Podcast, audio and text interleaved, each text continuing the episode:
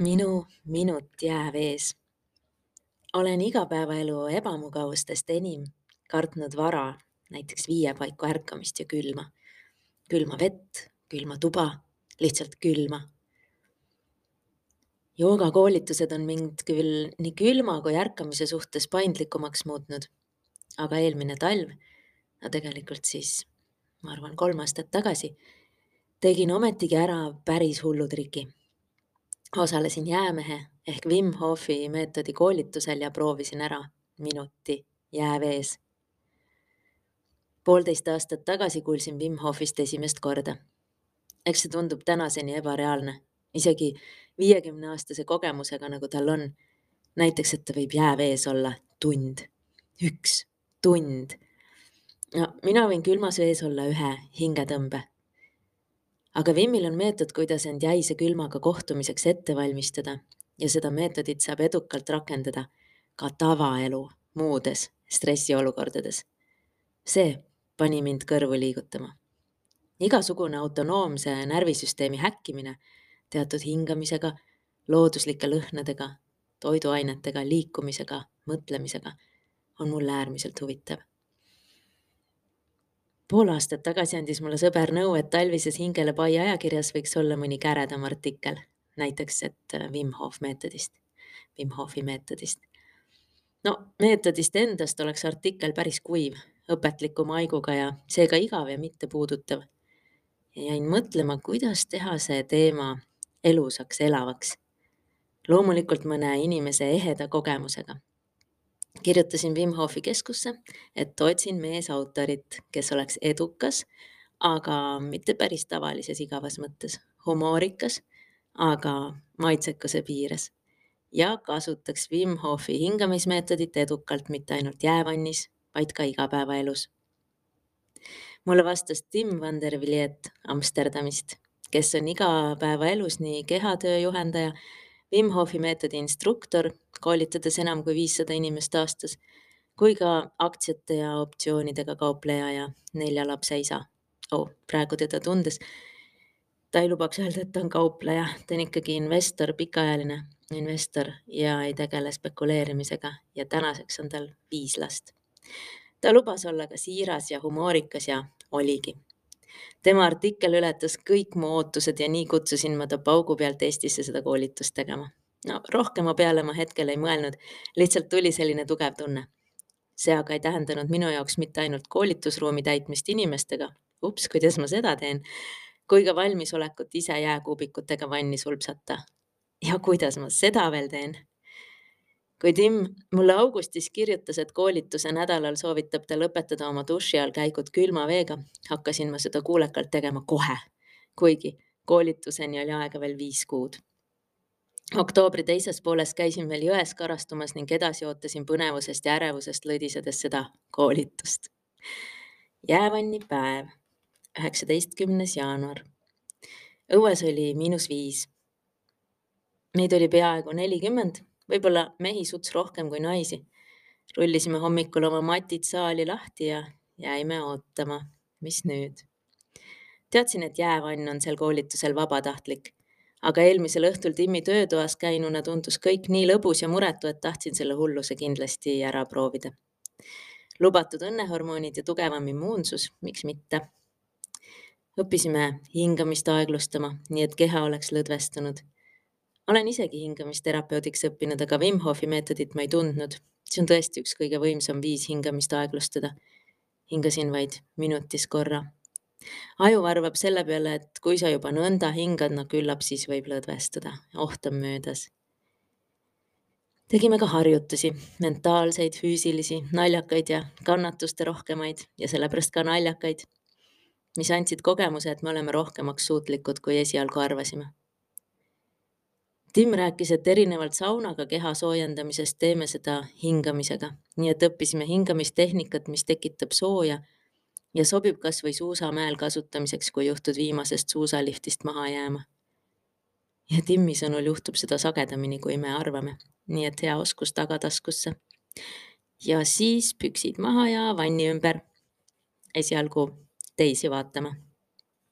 käisime kahekaupa jäävees keegi ei ohkinud ega kiljatanud.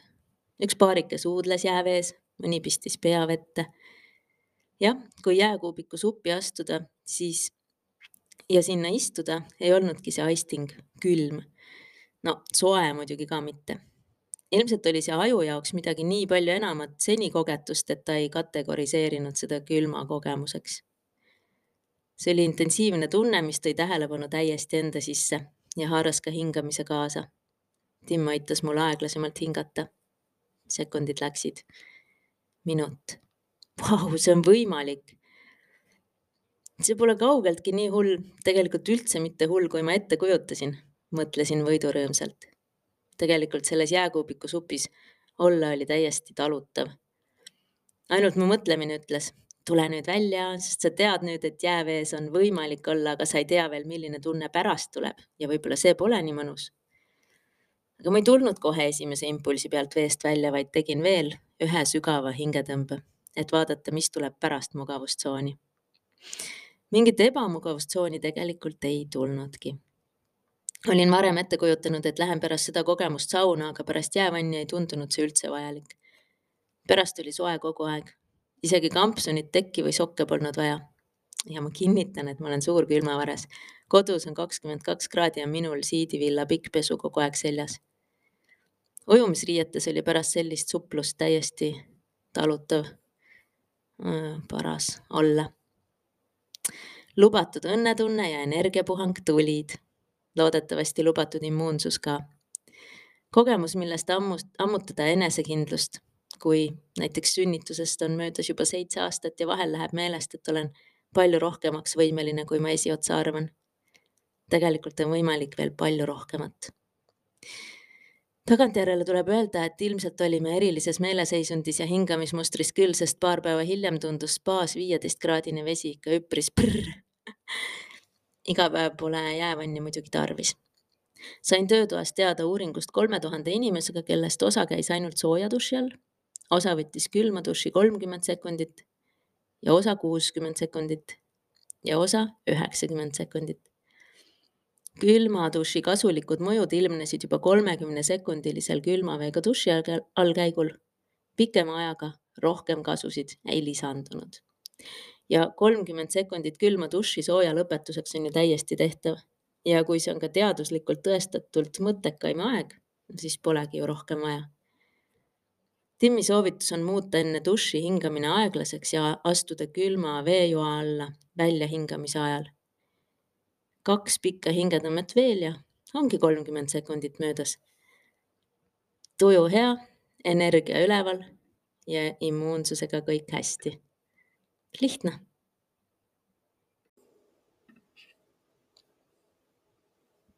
mina olen Merit Raju, elustiiliettevõtja, kirjanik, elustilist ja ema. siin podcastis jagan oma taipamisi ja kogemusi ja loen mõnikord ette oma artikleid ja raamatuid. vahel aga teen teistega intervjuusid mind huvitab väga, kuidas elada kõige elusamat ja rahuldust pakkuvamat elu igas eluvaldkonnas. ja ma usun ilma suurustamata, et ma olen selle elav näide. ma ärkan igal hommikul elevusega ja elan isukalt oma päevi ja elu.